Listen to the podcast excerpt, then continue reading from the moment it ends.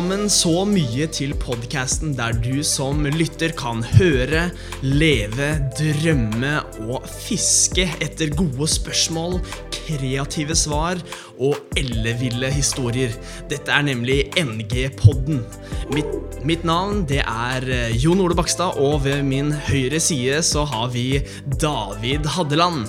Så kjekt. Velkommen skal du være, David. Takk. Du, dette her er jo en glede å få lov til å spille inn pod med deg. Ja, takk i like måte. Det tror jeg kommer til å bli bra. Ja. Det...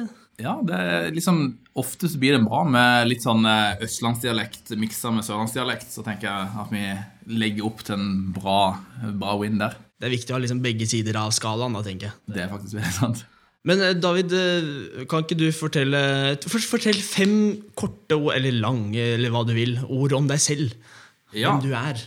Du, jeg er kebabmann. Kebabmann, Jeg er ektemann. Jeg er kirkemann. Du er bare mann. Og jeg er skikkelig mann. Det var, det var fem ting. Veldig, veldig mann.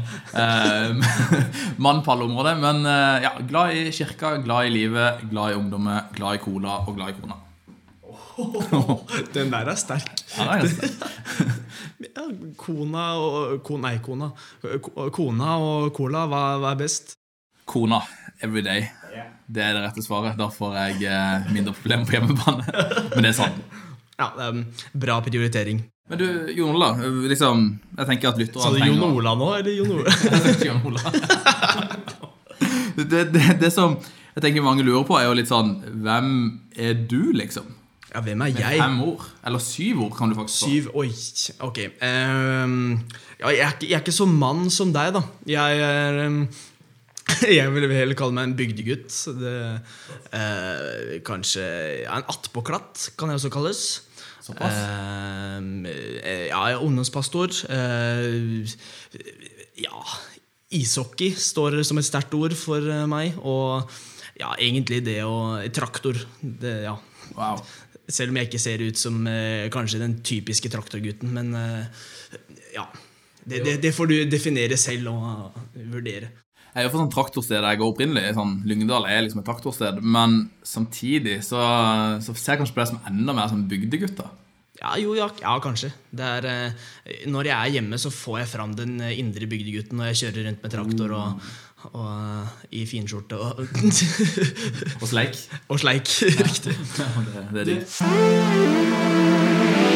Eh, David, eh, podcaster eh, begynner å liksom poppe seg opp eh, her og der eh, nå om dagen. Og, og det, det virker som det har liksom blitt en, blitt en greie som fenger bl.a.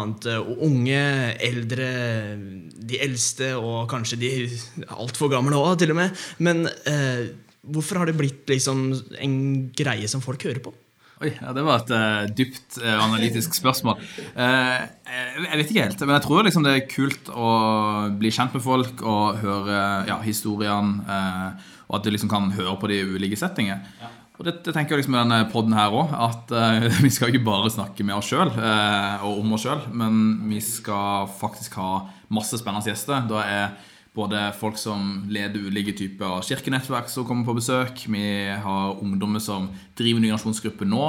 Vi har folk som tidligere har eh, vært engasjert på skole- og studiestedene sine, og der troa på Jesus virkelig har fått en betydning for måten de lever livet på noen år senere òg. Og så var vi til og med besøk av en statsråd, og det er ganske mye spennende greier, så jeg tror på en måte vi skal få noe ut av det. Ja, ja og så øh, Det høres ut som det er en, en gjeng med gode gjester, kan man si. da Men hva er det liksom de skal snakke om? Hva, er, hva handler den poden her om? øh? Den handler egentlig om kebab. eh, Eller ikke, det, ikke, ikke Det blir mye kebab. Litt kebab i det. Og eh, jeg, jeg tenker liksom at Ny generasjon det handler jo om Jesus, så handler det om kirka, og så handler det om masse gøy. Og det blir liksom det som blir litt ingrediensene her òg. Sy sammen på en måte hvordan ser det ut å bygge kirke, der man òg har fokus på å bruke ny Nasjon som et redskap og et verktøy for å nå ut til de som ennå ikke tror. Og eh, liksom, hva har skjedd av gøye ting og rare ting på skoler rundt forbi i landet? Eh, vi skal ha en spalte der vi skal se på noen av de rareste skolene rundt forbi på kloden. Og jeg tror liksom vi skal kose oss og bli en sånn feel good-underholdning som vi kommer til å lære noe av. Men det skal vi bare ha det masse gøy.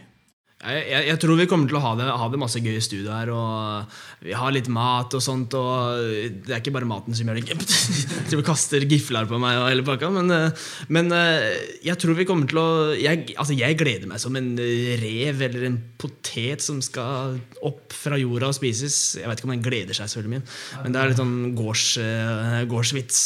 Eller, men jeg, jeg gleder, meg, gleder meg til å møte de gjestene vi skal ha. Eh, og så Ja, jeg tror, kommer til å, det kommer til å gå bra, jeg, David. Sant, Vi får se liksom om det blir en sesong to, eller om det slutter denne sesongen. Det, det vil jo tida vise. Men, men, jeg tror eh, i hvert fall at uh, de vi har på besøk òg, er på en måte Ja, det er litt sånn hjemme, hjemme hos oss-fest. Vi inviterer med folk som vi både kjenner og ikke kjenner så godt fra før av, men som har noe interessant å bringe. Og jeg tror virkelig at vi liksom får prøvd å grave fram gullet. Vi skal prøve å sette det litt ut, og vi skal ha det litt gøy på de sin bekostning. Og så tror jeg samtidig liksom at vi virkelig skal få, få, lært noe, da. Og få lært om hvordan det kan bety da, å være en uh, ung kristen på en skole, og hvordan det kan bety noe for andre folk rundt oss. Ja, så bra. Eh, det er også det vi ønsker at folk skal sitte igjen med her og bli inspirert. Og vi, det håper vi gjennom disse episodene at du, eh, du sitter igjen med noe her. da. Jon Ole, du har jo et sinnssykt langt navn. Sånn Jon Ole. Litt drøyt. Ja, det passer ikke helt bra. Det gjør ikke det. Har du på en måte hatt noe kallenavn i oppveksten din som vi kan kalle det for det? Ja, jeg har ikke hatt så veldig mye kallenavn. Eller de fleste kalte meg Jon før. Eh, men eh, nå siste året eh, som jeg gikk på bibelskole, så, så fikk jeg kallenavnet Gjølle. Gjølle. Av, ja, jeg vet ikke hvordan det kom, men det er, det er kanskje lettere å si, egentlig. da Det er bedre med Gjølle enn Kølle, da. sånn sett så du, ja, jo, jeg, jeg, jeg, Det er noen ganger jeg har blitt mobba litt sånn Gjølle, Kølle ja. og Gjølle, Bølle. Og, ja så jeg, jeg, sliter litt med det fortsatt. Men, eh, men eh, du, da? Du har ikke så veldig vanskelig navn, du, for så vidt. Men, eh, Nei, jeg har ikke det, men, men, jeg tenkte liksom på ungdomsskolen skulle jeg prøve å være litt original. Da, og prøve liksom å komme med et navn som gjorde at jeg kanskje skilte meg litt ut. jeg vet ikke Og så skulle vi spille et spill på nett sammen. Og da måtte du ha et sånt brukernavn. Og da tenkte jeg liksom at noe som ligner på David, men litt annerledes. Hvorfor skal jeg ikke bare kalle meg for Dasken? Dasken. Så jeg meg for Dasken. Og Det som har vært litt utfordringa med det i etterkant, det er at jeg har liksom en kompis fra barndommen som jeg egentlig ikke tror vet jeg heter David. Han bare kaller meg for Dasken fremdeles. Så det er liksom hengt litt igjen da, som en litt sånn eh, ja, mørk sky. Har du hatt liksom uh, mye dårlige minner med dask, kallenavnet Dasken? Eller er det... det har vært noen uh, ganske store sår der, ja. Så jeg uh, trives best med navnet David. Så nå, ja. nå regner jeg med at flere kommer til å kalle meg for Dasken etter. Så det er en bra, ja, bra utgangspunkt. Du, du, introduserer seg ikke som Dasken? når Nei. du for nye folk? Nei, så kan godt kalle meg for David. Eller OAVIO ble jeg kalt for òg, for jeg skrev veldig stygt. Så det gjør jeg fremdeles. Så D-ene mine så ut som O, så folk bare kalte meg for OAVIO en periode. Eh, så det var jo greit. Vi får finne ut litt hva vi skal kalle deg utover. da, vet du. La oss gjøre det. La oss gjøre det. Ja. Men du, let's go to business. Um, I dag, så i selve premierepodden vår, så har vi jo storfint fint besøk i studioet vårt. Ja, vi Ja, vi har det faktisk. Det er veldig kjekt at vi ikke bare skal snakke for oss sjøl. Og da har vi to personer som er over gjennomsnittet glad i å snakke i tillegg, så dette her tror jeg kommer til å bli veldig fint. Og det er faktisk eh, brødrene fra Drammen. Brødrene Krutt fra Drammen. Eh, brødrene Hasløy. Velkommen wow, wow. til David og Andreas. Velkommen. Tusen takk, Dasken og Gjølle. hjertelig, hjertelig tusen takk. Kjekt, altså. har, har, dere hatt noe kallenavn? Eh? Ikke så spennende som deres. Jeg må innrømme at jeg ble imponert over å høre om deres kallenavn. Jeg ble kalt for Hassel. Det er det mest kreative. Ja, det er fint, ja. Nei, jeg har aldri blitt kalt noe annet enn David. Dave Slave to the Rave. Ja, det er faktisk sant. Ikke noe sånn Andy Pandy eller noe sånt på deg? Jo, men Candy Andy er ganske, god, ganske glad i smågodt. Ja. Så jeg har blitt ofte kalt for Candy Andy. Det... Står en skål her, så det er bare å forsyne seg. Takk skal du ha.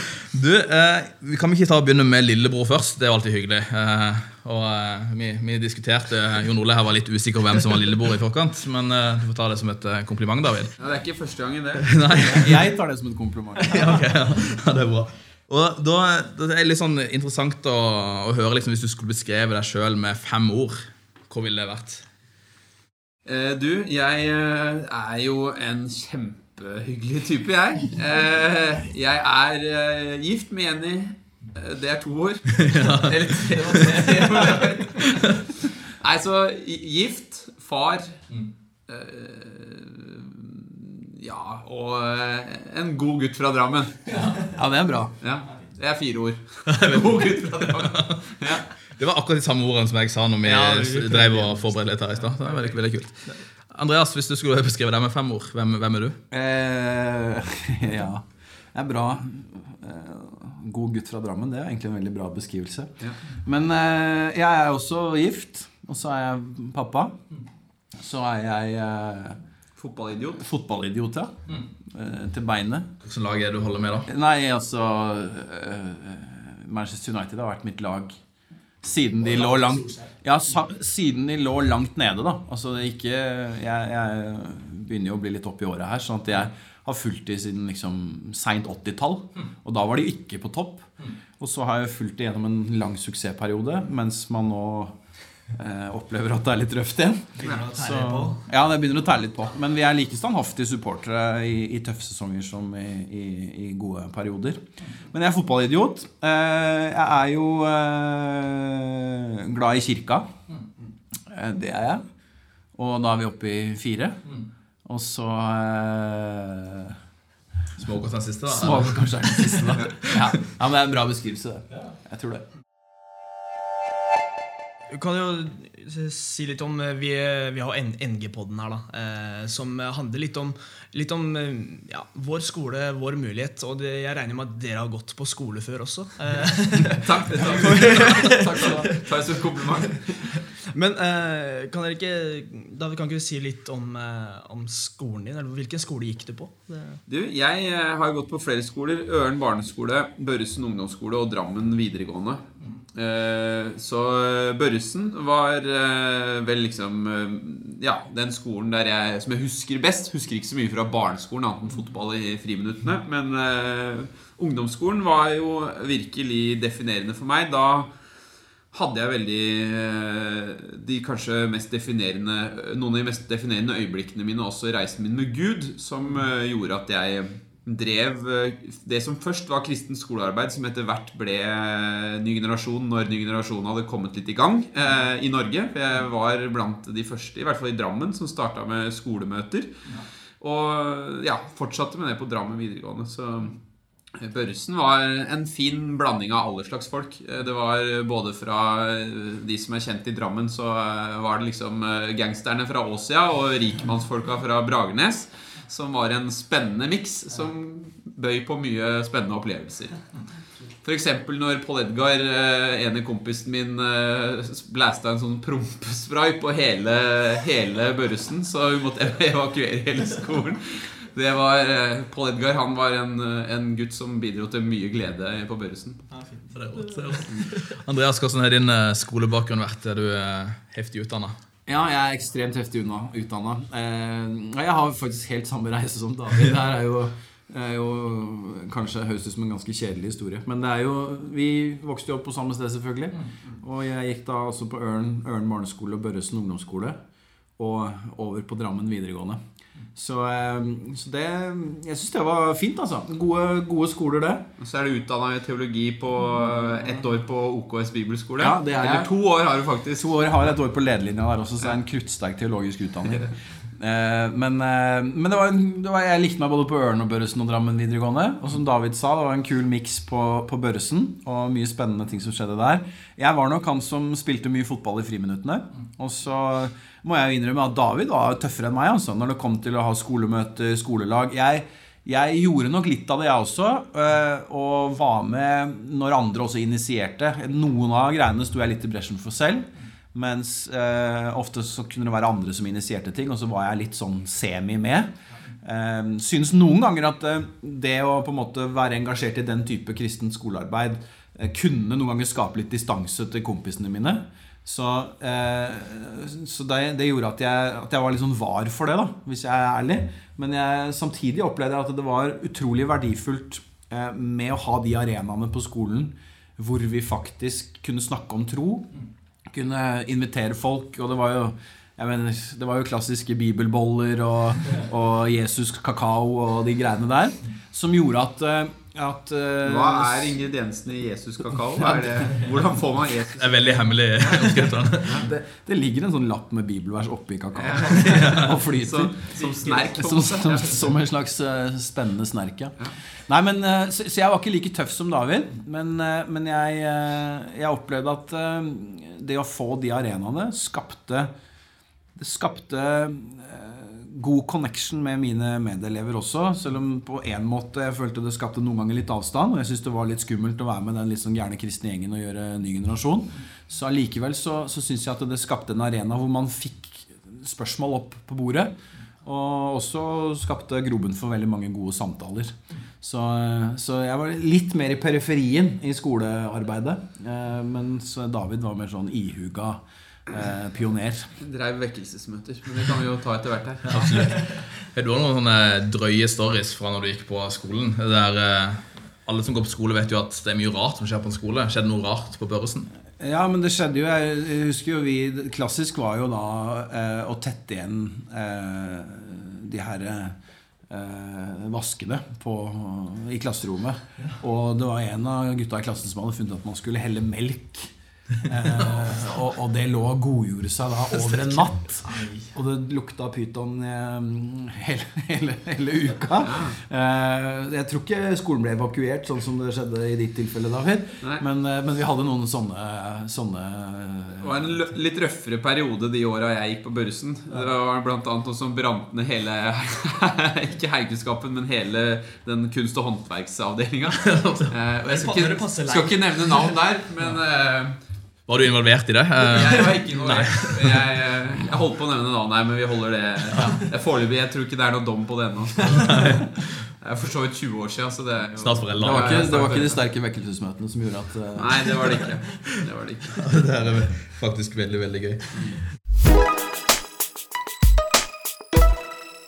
Det som slår meg litt eh, med, med, dere to, er jo at dere har jo litt av samme reisen, og så er dere samtidig ganske ulike. Eh, man ser jo noen likheter, men det er en del ulikhet òg. Kan ikke eh, du fortelle litt mer Andreas, om hvordan var du som ung og kristen? Hvordan så livet ditt ut på ungdomsskolen? Eh, helt, fra, helt, fra, jeg var liten gutt, så har egentlig troen vært en veldig sånn naturlig del av, av livet. Eh, jeg er glad for at den trygge troen på Jesus alltid har vært der. Eh, det tror jeg har mye med å gjøre at mutter'n og fatter'n var flinke til å vise en form for kristendom som ikke var religiøs og, og, klam. Men det var en veldig naturlig del av hverdagslivet å be, andagsliv. Eh, fatter'n er jo misjonær og evangelist, og mye av det som skjedde i hans hverdag og i hans arbeid, det var prega av mye egentlig mirakler fra uke til uke og måned til måned. Og Derfor så ble mirakler og levende kristendom det ble en veldig naturlig del av livet vårt. Det var tett på, liksom. Eh, hvem vi er, og hvordan vi levde livene våre. Så, så Sånn sett så, så, har den trygge troen på Jesus alltid vært der. En naturlig del av, av oppveksten min. Eh, og så var jo jeg også Jeg er jo forholdsvis utadvendt, men jeg, som tenåring så var jeg nok hakket mer innadvendt. Jeg var outgoing og liksom hyggelig type. Men eh, men uh, litt mer sjenert. Alltid fint at vi sier det om oss selv, føler jeg. Ja. ja, At jeg var en veldig hyggelig type. Ja, det er opp til andre. men, men, jeg, jeg, jeg, er enig i Kan du være enig i at jeg var hyggelig? Ja, men det er bra.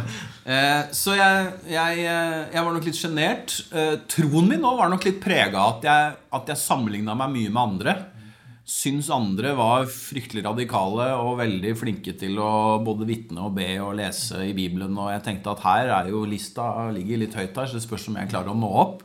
Eh, og Det gjorde at tenårene mine nok var prega av ja, en veldig bevisst tro på Jesus. Og jeg tror nok de fleste som så livet mitt fra utsiden, tenkte at jeg hadde et godt og fungerende kristenliv. Og det vil jeg på mange måter si jeg eh, hadde. Samtidig var det noen sånn underliggende litt sånn tilkortkommenhet som lå der. da eh, så det var veldig befriende for meg når jeg begynte på bibelskole eh, etter videregående eh, på OKS. Og fikk oppdage en, måte, en veldig tydelig forståelse av evangeliet. At det kristne livet ikke handler så mye om hva jeg skal gjøre for Gud, men hva han har gjort for meg. Og når jeg kom inn i den hvilen og forsto at det Jesus gjorde, faktisk holder for meg, at jeg ikke trenger å prestere og få til og klare og skulle greie det her kristne livet i egen kraft, men at jeg kan hvile med hele tyngden min i Guds nåde, så satte det meg fri til å, å nettopp eh, leve eh, et friere kristenliv og et, et, et, liv der hvor jeg kjente på, på glede og begeistring på en annen måte. Så jeg vil nok beskrive tenårene mine litt sånn som jeg sier også om mitt engasjement på skolen også. At det var, det var der, og jeg, jeg, jeg, var med, og jeg, jeg hang på, liksom men allikevel litt sjenert, litt tilbaketrukket i større grad enn det, enn det David var. Ja, kult å høre. Ehm, så får vi liksom se om David har den samme, samme liksom, ja, obs observasjonen fra ja, reisen. Eh, David, hvordan er du eh?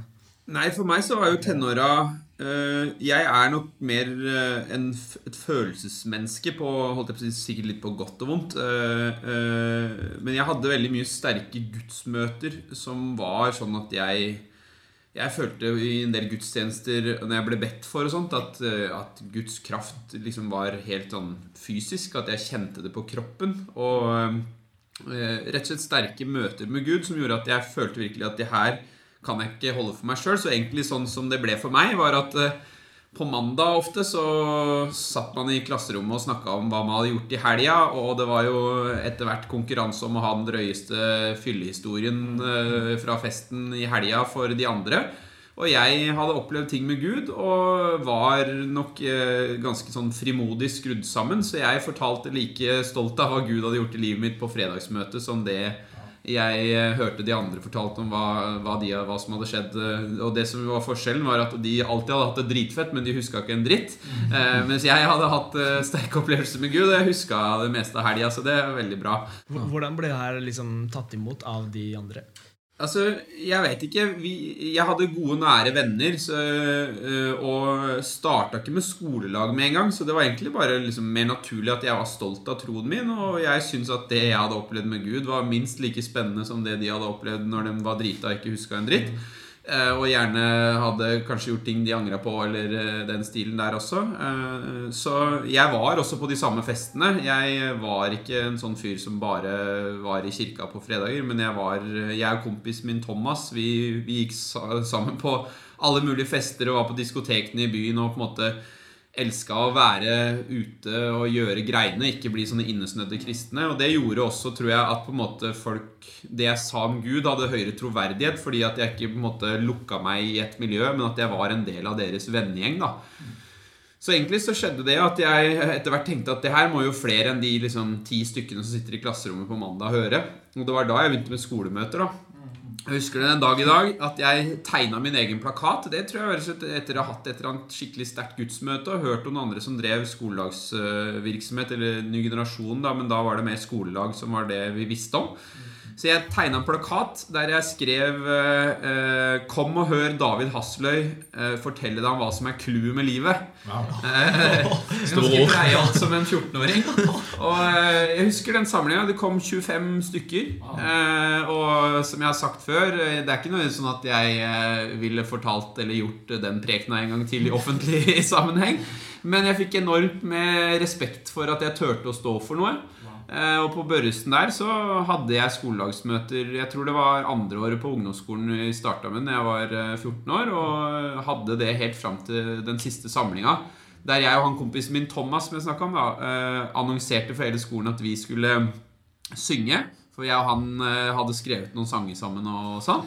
Og da kom det 60 stykk på den samlinga, og det var Kåre, Kåre Skuland, en god gammel ny generasjon-legende, som var der sammen med en gjeng fra en bibelskole. Og den dagen var det flere som ble frelst i midt, eh, midtfriminuttet, og det var skikkelig Texas. Så det skjedde kule ting da, altså. Og eh, for all del, jeg tror kanskje den kombinasjonen av at jeg var med folka, at, jeg, måte, at jeg var like mye på festen, selv om jeg drakk Pink Panther-brus uh, i stedet for å drikke meg full, så på en måte var jeg en del av gjengen, og det gjorde at ikke jeg ble han liksom rare som kom inn i deres gjeng og skulle si noe, men de hadde på en måte allerede en relasjon med meg. Det tror jeg hadde mye å si for at jeg nådde fram i ganske stor grad med budskapet. Eh, og så var det jo mange som sikkert syntes jeg var gæren òg, og det stemmer nok ganske bra. Så eh, det, det var litt av reisen min på Børresen, da. Ungdomsskolen. Clouet med livet, liksom. Det er en ganske, ganske kul tittel. Min, min første andakt så kalte jeg den for 'Vekkelse i Kina'. Det var det første jeg prekte om. Så, det var en ganske breial tittel. Aner ikke helt hvordan den hadde relevans for folk som satt i salen, men det, det, så- sånn er livet. Du, hvordan, hvordan er på en måte denne her trosreisen og reisen med Gud på ungdomsskole og videregående eh, Hva har det betydd for dere i rollen nå som pastorer og i rollen som ektemenn og videre i livet? Nei, men eh, eh, For meg, da, som jeg sa, så opplevde jeg et veldig sånn tydelig skifte når jeg begynte på bibelskole. Eh, ikke fordi jeg ikke opplevde positive ting i det ungdomsmiljøet jeg var en del av, for det var veldig mye positivt. Og, og jeg, jeg hadde jo som sagt en levende tro, men det ble et veldig tydelig skifte for meg når jeg begynte å få tak ordentlig på evangeliet og forsto, som jeg sa i stad, mer av det Jesus har gjort for oss. Og at det var noe jeg kunne hvile i med hele meg. Forsto mer av Guds uendelige kjærlighet. Det ble liksom ikke jeg som skulle gå rundt og løfte på Gud, men han fikk lov til å bære meg i større grad. Og jeg har nok også sett dessverre altfor mange eh, troende rundt meg som følte nok sikkert litt av det samme som meg. da At de ikke fikk til det kristne livet. At lista lå såpass høyt at jeg, jeg var liksom ikke radikal nok. Jeg, var ikke, jeg vitna ikke nok. Jeg, ikke, jeg ba, ba, ikke nok og leste ikke nok. Eh, eh, så jeg, jeg, kjente jo at jeg hadde lyst til å, å det var sånn jeg egentlig ble predikant. Det var fordi jeg kjente at evangeliet begynte å boble på innsida. Jeg tror jo på eh, å leve lidenskapelig. Jeg tror jo på å vinne skolen sin for Jesus. Jeg tror jo på å leve et, et sterkt kristenliv. Men jeg tror det er uhyre viktig hvor det kommer fra. Hvis det kommer fra krampetrekninger at jeg skal imponere Gud og mennesker, så blir det fryktelig slitsomt til slutt. da. Mens hvis det kommer med utgangspunkt i Guds uh, uendelige nåde og kjærlighet, så danner det en sånn hvilepuls i bånn som gjør at uh, lidenskapen og passion og, og, engasjementet kommer fra et sted av, av at Gud bærer oss. Da. Så jeg, jeg, jeg, kjente at jeg hadde veldig lyst til at flere skulle få tak i det. Så jeg ville ikke kille altså Målet var ikke å kille engasjementet. Radikaliteten. Jeg digga det. Tenker det er bra. Norge trenger så mange tydelige kristne som overhodet mulig. Eh, men, men, da tydelige kristne som ikke løper rundt og prøver å imponere Gud og mennesker for at han skal bli mer glad i dem. Men at de har forstått at de er elska. Forstått at tilgivelsen gjelder meg. Forstått at det Jesus gjorde, det holder. På min beste dag og på min verste dag. Jeg kan hvile i Guds nåde med hele min tyngde. Og det var hele grobunnen for at jeg ble predikant. Det var at jeg tenkte at det her må flere få høre om. Så derfor så, Og da sa jeg til Gud hvis du vil at jeg skal fortelle om det her til folk David hadde jo prekt. David er jo tre år yngre enn meg, og han hadde jo prekt siden han var 15. liksom eh, Og jeg hadde nok vært oppe og sagt noen ord på en eller annen skoleandakt, jeg også, men jeg, jeg var mye mer tilbaketrukken. Og eh, jeg husker da at jeg ba til Gud at hvis du vil at det skal være sånn at jeg skal formidle dette til flere, så må du åpne noen muligheter for meg. Da må du, da må du legge til rette. Jeg husker første gang eh, eh Vidar Andor Skanke fra Betesta Slemmestad ringte meg. Eh, og, og, han sa at eh, ja, jeg ville bare ha, høre om Andreas Hasle ville komme og forkynne Guds ord på Betesta på søndag. Eller ikke den førstkommende, tror jeg det var, men et par uker seinere. Og så sa jeg at nei, jeg tror ikke det er meg du vil ha tak i. Jeg tror det er enten Halvard, faren min, eller David. Det er de som preker mest. Og så sa Vidar i andre enden av tråden altså, nei, jeg opplever veldig tydelig at uh, det er Andreas Hasle vi skal ha til å preke for oss på Betesta. Og da skjønte jeg at ok, Gud, da får jeg være våken her for at du gir noen vink. Og da husker jeg at jeg prekte. Og Snittalderen i det rommet var vel kanskje 75, tenker jeg. Det var sånn blåskjær i, i, i permanentene i, i forsamlingen. og jeg prekte om Romerne 8.1, så er det da ingen fordømmelse for den som er i Kristus Jesus. Og om Jesu frelsesverk, som vi kan hvile i, og at det genererer kraft, styrke, engasjement osv. Og, og det, det har vært tonen i min forkynnelse til dags dato. Så, så det er litt den, den, reisen eh, jeg har hatt på det området. Ja, kult. For meg så er det to ting jeg tar med meg fra, fra det skoletida og troen spesielt. Det er det at uh, når du går ut ganske hardt da, som 14-åring og sier at du skal dele med skolen din hva som er meninga med hele livet, så du, uh, får du et heftig bønneliv på behind the scenes. da, Fordi at du forstår at her må jeg ha Guds hjelp for at dette skal bli bra.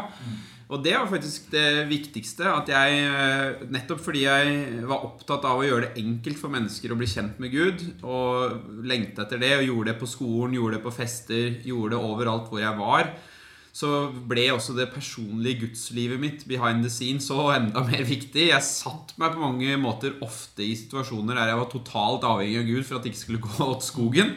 Eh, så, så, det gjorde også at jeg hadde mye sterke erfaringer med Gud. Fordi at når du er, stiller deg i posisjon til å være totalt avhengig, da skjer det òg mirakler. Og jeg fortalte jo om den gangen da vi hadde 60 stykk der på siste skoledagsmøtet mitt på Børresen. Eh, og gudsnærværet Jeg kan huske det fortsatt i dag, selv om det er jo 20, over 20 år siden. Så husker jeg den skolelagssamlinga der, og jeg husker hva det gjorde med meg og med rommet, og at liksom Gud var der.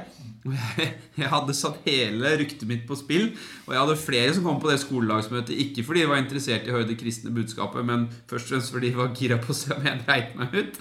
Så, så det, det, er en ting jeg tar med meg, at eh, jeg tidlig lærte meg hva det ville si at om du skal steppe ut og gjøre sånne ting, så er du nødt til å ha et liv med Gud behind the scenes som folk ikke ser, men som er helt avgjørende for hva som skjer. Og det andre er det der med å forstå at uh, det som Gud gjør gjennom et skolelag f.eks., og ikke minst gjennom en menighet, det handler om å, uh, kontinuitet.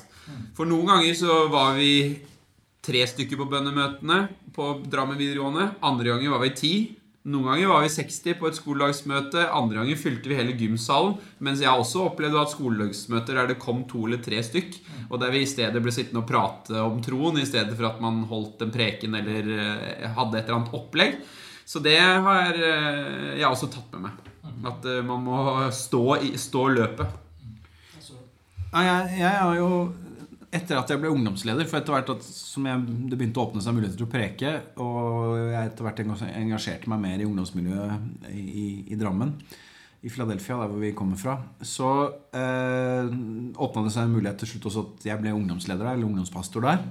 Og da vil jo jeg si Da, da eh, så vi jo et engasjement på skolene som var ganske rått. For da, da hadde vi en periode Jeg tror jeg vil si David og en god fyr som het Audun Langgaard, var litt sånn plogspisser i å, å pionere opp at det, da var det, det var ikke mange skoler i Drammen da det ikke var skolelag på. Og vi så veldig tydelig, da, jeg tenkte som ungdomsleder, at hvis vi vil nå ungdommen i Drammen, så handler det først og fremst om relasjonsbygging og at vi er gode venner og at vi lever autentiske og åpne liv. Eh, så det handler ikke bare om å arrangere møter på skolen, men det i tillegg, da. Så vi så det som en veldig gyllen mulighet da. Og jeg tror, altså jeg, tror, eh, jeg tror, nesten alle skolene i Drammensområdet, alle videregående alle 15 skoler i Drammen var det skolelagsvirksomhet eller ny generasjonsvirksomhet på. Ja. Så det var heftig. altså. Og da var jeg jo Da var jeg mer frimodig også. Da, jeg, da kunne jeg danse Fryktelige danser til Børud-gjengen. Eh, sammen med bl.a. David og Audun og andre. Eh, hvor vi eh, hadde mye moro, eh, men også fikk formidla evangeliet veldig tydelig på, på, så å si alle skolene i, i Drammensområdet. Ja, Det kule var jo det at nettopp det fokuset i preaching om at det var Gud som skulle gjøre det, gjorde at også folk som var egentlig kanskje sjenerte og ikke så veldig ekstroverte i seg sjøl, turte å gjøre ting for de visste det var Gud som skulle sørge for at det smalt. da. Så det er veldig kult. Og det siste jeg tenkte på, egentlig var det faktum at vi i veldig stor grad hadde det å tjene byen og tjene skolen og være en blessing som en stor del av arbeidet. Eh, på skolene, og det prega også hva vi gjorde i menigheten. Eh, så Audun, som ble nevnt her, han er en legende, og han, eh, han, han lagde en trillebår som han fylte med baconsnacks og delte ut gratis på skolen sin. og etter hvert så ble det jo også en avis som het Essensen Avis, som på en måte Audun lagde på St. Halvard videregående som en slags blessing for skolen å ha en skoleavis. De hadde ikke det, og han tenkte hva om ny generasjon kan gjøre det for skolen. Og i de avisene så fikk de også fortalt hvem Jesus var. Og etter hvert ble jo det en avis som ble en, en ordentlig avis, som ble delt ut på alle skolene i hele byen. Og 80% av alle elever i Drammen leste den avisa eh, på videregående hver eneste måned. Så eh, det å ha en et ønske om å både ha et tydelig budskap, men å backe opp det med å vise at man ikke bare er her for å preke, men fordi man vil vise Guds kjærlighet i praksis, det tror jeg har vært eh, både bra da og noe som har prega vårt liv og vår tjeneste senere. Da. Det er veldig, veldig kult. Du, det som er tydelig å høre nok snakke begge to om, er at det er ofte en sånn god miks mellom norsk og engelsk i dagligtalen. Kanskje spesielt til David, men eh, litt hos Andreas òg. Og um, vi, har gjort litt research på, på liksom prøve å finne ut hvor stammer dette her fra. på en måte.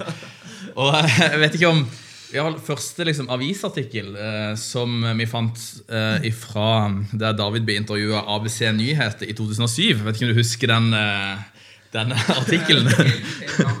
Men jeg har et sitat eh, fra David der. Dessuten, whatever happened to god gammeldags cleaning, smiler pinsevennen. David, 23 år og jomfru. Hva er kontekst der? Du, ble intervjua i, forhold til, i forhold til sex uh, og uh, en avisartikkel. Så det var veldig, veldig fint innhold. Og sånn litt tabloid uh, overskrift, som det ofte blir i sånne avisartikler. Men vet ikke om, er det på en måte Hvis hvis du måtte ha valgt mellom å for resten av livet ditt snakke engelsk hele tida, og kun kunne snakke engelsk, eller kun kunne snakke norsk resten av livet ditt, hva hadde du valgt da?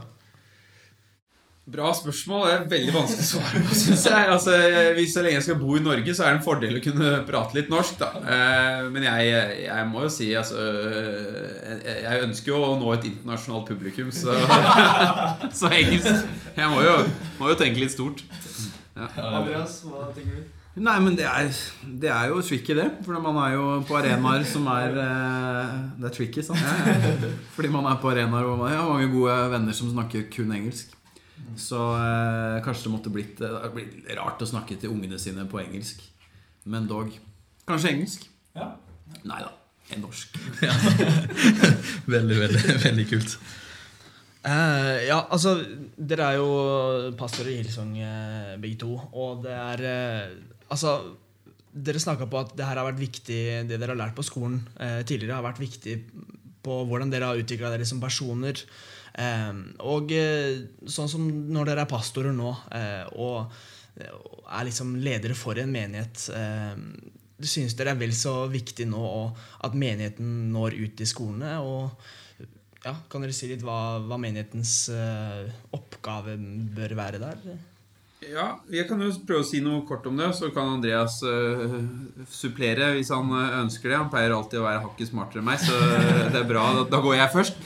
Eh, nei, men I vår menighet så snakker vi jo mye om at vi ønsker å sette opp folk til å, å ha innflytelse i eh, Som på engelsk, da. Eh, vi sier i visjonsstatementen vår, eller mission statementen vår eh, å ha innflytelse in every sphere of life. I alle de sfærene, alle de liksom, vanskelige ord kanskje, men i alle, alle steder man faktisk er i hverdagen. da Eh, og at hvis vi hjelper mennesker til å forstå eh, hvem Gud er, og hva han har gjort for oss, så er det sånn at når man egentlig forstår de gode nyhetene om Jesus, at han har gitt sitt liv for oss, og han elsker oss ikke pga. at vi fortjener det nødvendigvis, men pga. at han elsker oss, og at det kan forvandle våre liv, så blir det noe som i hvert fall jeg, da når jeg var tenåring, fikk lyst til at andre skulle få oppleve og smake. Så det er egentlig kanskje vår approach som menighet. Det er å sette folk i stand til å gå ut og spre det budskapet til sin verden. Og det vet jeg at vi allerede har folk som gjør, som er en del av våre eh, menigheter eller lokasjoner rundt omkring i landet. Og, det er virkelig drømmen, at folk representerer Jesus der hvor de er. Ja, absolutt. Jeg tror at den beste måten å formidle Jesus det er gjennom eh, bare leve åpne, autentiske liv. Ofte tenker vi at vi må, ja, vi må representere Jesus bra, så da må jeg leve perfekt og være et, eh, et skinnende eksempel. Liksom. Men jeg tror jo veldig ofte at, eh, at snarere tvert imot så kan folk relatere til vanlige mennesker med vanlig liv, med vanlige issues. Men med en Gud som elsker, en Gud som er nådefull midt i det. da Og Jeg tror at den beste måten å formidle med Jesus er, det er å være mye sammen med Jesus sjøl. Altså når man er sammen med Jesus, så preges man av hvem han er. Og da, da vil det skinne gjennom livet mitt. Eh, Og leve livet tett på mennesker som tror, men også mennesker som ikke tror. Ikke at de da er noen slags sånn evangeliseringsobjekt kun, men at man er gode venner fordi man er gode venner. At man er glad i mennesker fordi man er glad i mennesker. Og så deler man selvfølgelig det beste man har. Eh, Det betyr ikke liksom krampeevangelisering i hver eneste samtale. Men det betyr at selvfølgelig snakker vi om fotball, og selvfølgelig snakker vi om livet. Og en naturlig del av mitt liv det er troen og, og, og, og Jesus.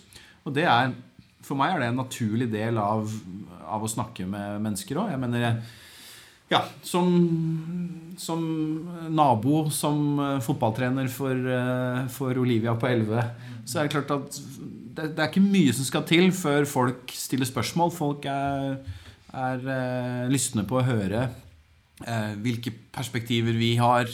Eh, man eh, er åndelig søkende. Eh, opplever at veldig mange er. Til tross for at vi lever i et mer og mer sekulært samfunn. Eh, hvor liksom Gud er mer og mer skyvd ut på sidelinja. Så opplever jeg at menneskehjertet er like åpent og sugen på åndelige realiteter. Så jeg tror på det. Å leve, leve livet tett på Gud og tett på mennesker. Og jeg tror også veldig på at de arenaene man kan skape på skolen Og jeg tror som tenåring så tror jeg man trenger litt de der Ok, her, krist- her er vi kristne, vi står sammen.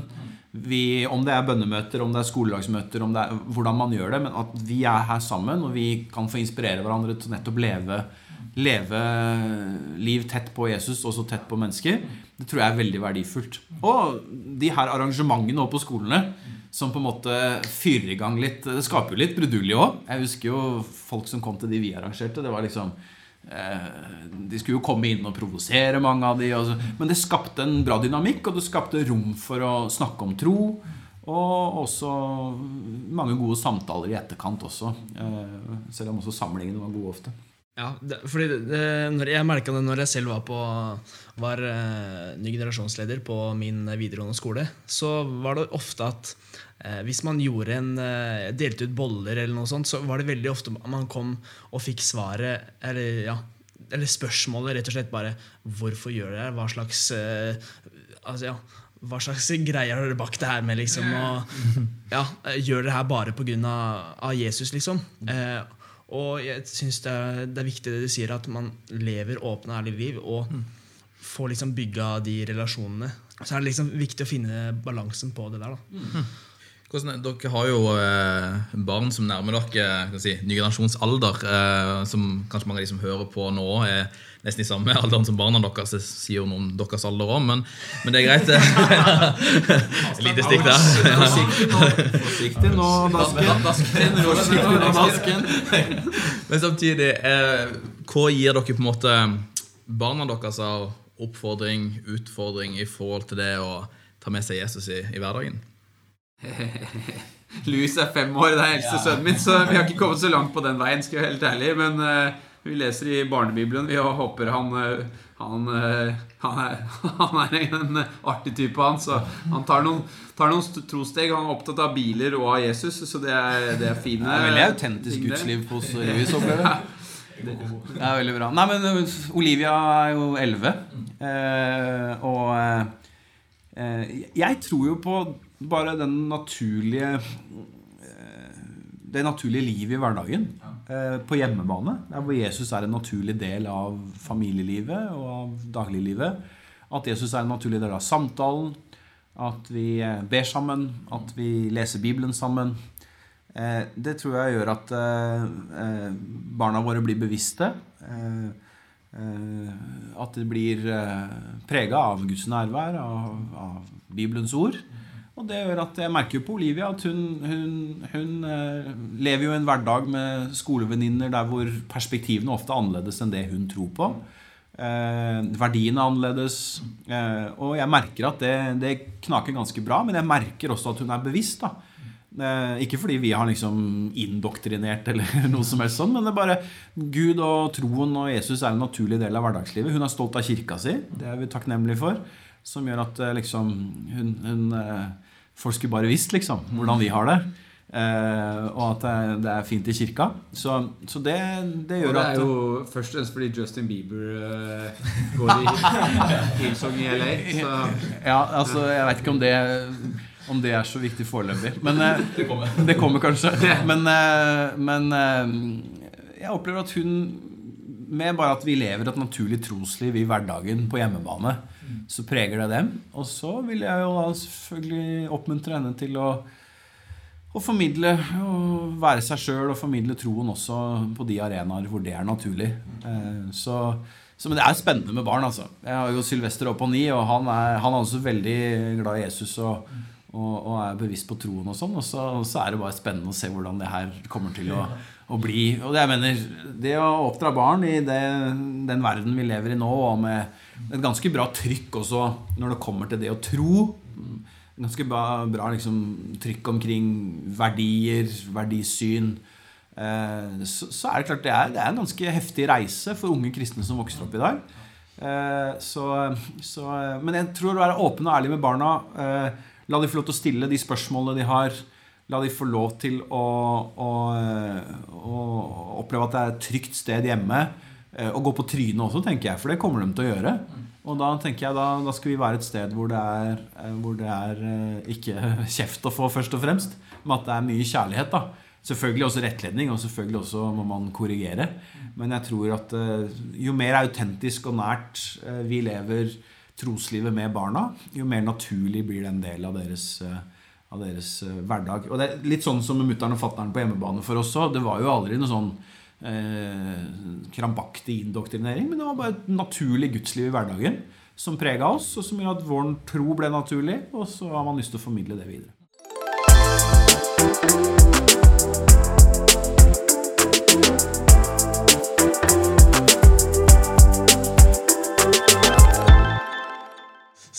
Spalte!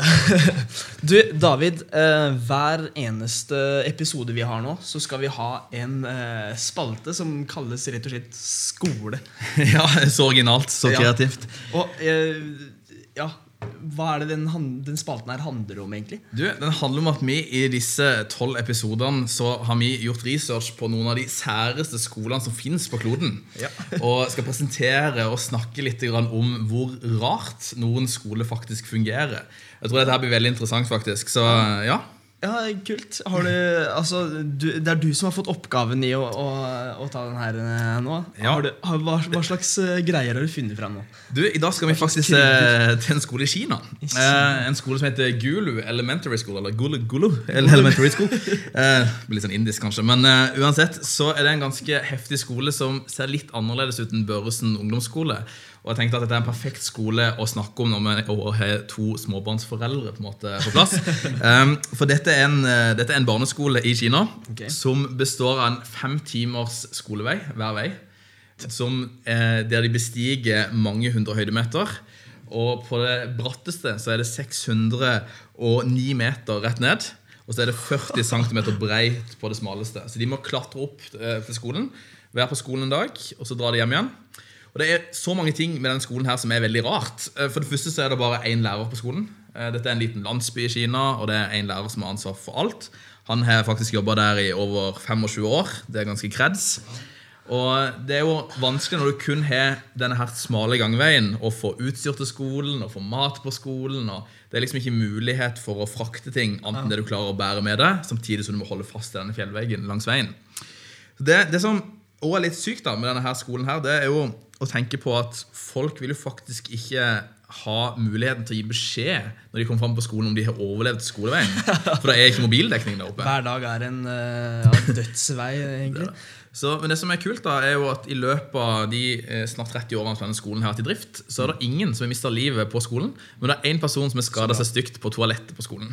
det er liksom det som er så det er utgangspunktet. Jeg bare tenker liksom, Ut fra disse skildringene her, dette er en skole dere ville ha oppfordra deres barn til å dra på, eller eh, Jeg tenker jo at et av mine store mål i livet er at Louis skal bli en toppidrettsutøver. Eh, så dette virker jo som en skole som er perfekt for å trene han eh, i retning av det. Absolutt. Det er jo litt sånn bragging rights, på en måte. Nå begynner jeg å blande norsk og engelsk. her, jeg blir påvirket. Eh, Det å på en måte ha den skoleveien. Du har liksom noe så litt på brystet med når du kommer hjem. da Ja, stemmer det. Ja, nei, men Spennende, det. altså Det kan jo hende at liksom trygg og sikker skolevei kanskje hadde hatt noen perspektiver. Ja. Men eh, jeg tenker at eh, barn eh, i dagens samfunn kanskje er litt vel overbeskytta, så kanskje de hadde hatt godt av en Ja, ja, liten, liten utfordrende Sette- Skolevei. Sende med beskyttelse på do, da. Det er i hvert fall det viktigste. av, eh, Ja, ja, det er det. Det som er interessant er at De går sammen til skolen også hver dag, så de, de har på en måte en felles tur. Så det er veldig sosialt og stor grad av fellesskap. sånn sett Går de da med en voksen, eller går de alene? De går med en voksen. Ja, okay. Så det her liksom drodler litt rundt er jo, Det er jo utrolig kjipt da hvis man kommer fem minutter for seint til denne fellesgåinga, og så må gå denne turen alene. da Det er Du det er en kommer ikke for seint, og da, er det, da skulker du. ja, Jeg tror kanskje litt høyere skulkeprosent på den skolen enn mange andre skoler. Ja, Men altså, hvem er det som tenker på å lage en skole oppå der? Nei, det, Altså, hvis, hvis folk må gå fem timer, kan du ikke lage en skole som er litt nærmere, og ikke så høyt oppe i toppen? Jo, han, han Læreren ble faktisk konfrontert med det i et intervju med en, eh, med en amerikansk avis. Så ble han spurt om hvorfor la dere ikke skolen i bunnen av dette fjellet. Og Da nevnte han det at eh, det var et bygg eh, originalt og veldig gammelt da, der oppe, så de vil liksom fortsette å bruke det bygget. Men så viste det seg at de har brukt mer ressurser på å stelle i stand det bygget, og mer tid enn det hadde gjort å bare bygge noe på bunnen. For det er ganske vanskelig å bære opp ting. Så De har utvikla egne sånne små esler som kan ta med seg noe utstyr bak. Eh, men problemet er at der har det vært litt dødsfall opp gjennom åra. De har liksom trent noen esler. Spennende. Ja. Det har ikke vært en sånn egen, fødsel. egen Da fødsel. lever du tett på skaperen når du kan utvikle egne, egne esler. Sånn eselskole på, i nederst i landsbyen. Det er det er egentlig en ganske, ganske kristen greie. da Så det er veldig, veldig kult. Ja, spennende altså. Ja, men det, det, er, gøy, det er gøy. Så kreds creds altså til Shen Quinn, som er skolens lærer. Og har jobba der i 26 år. Ja, Det er jeg ganske- jobba der alene i 26 år, da begynner du å få legendestatus etter hvert. Eh, Du gjør det, altså. Det, hvis jeg klarer å spore opp han, så skal jeg gi han en blomst. Da må du gå opp, da. da Ja, det- opp. Ja, det er sant. Orker du det, David? Det orker jeg ikke. Det er helt sant.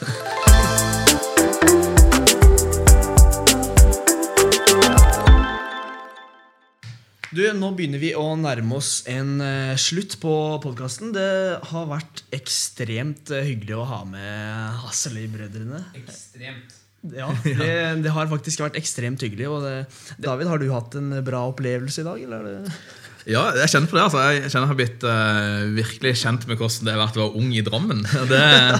Det, det, det er heftige greier, altså. Prompepulver og Ja. Brann. Jeg kjenner kanskje at jeg er glad jeg ikke gikk på skole i Drammen. Jeg vet ikke om jeg taklet det. Nå var jeg, jeg gikk på skole i Kvinesdal, det var litt drøyt det òg, men det kan vi ta en annen gang. Eh, Det jeg lurte på til slutt, da, er om har dere et bra tips til dagens ungdomsgenerasjon? Hvordan kan de få lov til å være de de er skapt til å være, og få lov til å være tydelige med troa si på en sunn og god måte på skolen? Ja, det blir jo litt som å svare på hva som er clouet med livet. Dette. Ja, det er det. Eh, Så det klarer jeg jo, og det gjorde jeg da jeg var 14, så det er ikke noe stress, det. Derfor det godt til deg. Ja, ja, ja. Eh, nei, ta det du, Andreas. Bra. Nei, men jeg tror jo, som jeg sa eh, Bade daglig i Guds kjærlighet og nåde. Minne seg sjøl om at man er høyt elska av Gud. At man, at man står i hans velsignelse og favør. Og, og ja eh, Vi synger en sang i kjerka vår, 'I am who you say I am'. Eh, og sørger sørge for at man ser seg selv med Guds briller. Og eh, lar han få lov til å bestemme vår identitet. Fortelle oss hvem vi er. Til tross for at hele verden rundt oss skriker mye annet til oss. Så er det i boka, i Guds ord, at vi kan få speile oss ordentlig. Se hvem vi er i, i Jesus. Og, og det tror jeg danner hele fundamentet for å for også bety en forskjell på skolen sin og leve, leve et frimodig kristenliv i hverdagen. Og så får jeg jo supplere med eh, at eh, jeg tror det er kjempestilig om man tør å sette seg i situasjoner der man er avhengig av Gud. Eh, for det er da de heftigste tingene skjer også, når vi tør å steppe ut og kanskje gjør noe som eh, er utenfor komfortsonen eh, ved å dele troen på skolen, selv om det kanskje ikke er det man eh, i første gang får størst plusspoeng eh, av. Selv om jeg opplever veldig ofte at folk respekterer oss veldig. Så jeg ville sagt eh, to ting. Å tørre å ta sjanser som eh, du er nødt til å ha Guds hjelp i, men også å gjøre det sammen med noen andre. Som du finner en eller to pers som tør å gjøre det sammen med deg. Så eh, gjør det at dere kan stå sammen og bære hverandres gleder og, og utfordringer. Så det, det er to gode råd fra meg. Også. Dette var gode famous last words eh, for, for denne gang. Du, Veldig kjekt at eh, du har hørt på, og tusen takk til gjestene våre David og Andreas Hasseløy. Følg oss gjerne på sosiale medier, så er vi snart tilbake med en ny episode med spennende gjester. Fram til neste gang, husk at din skole er din mulighet. Bless you!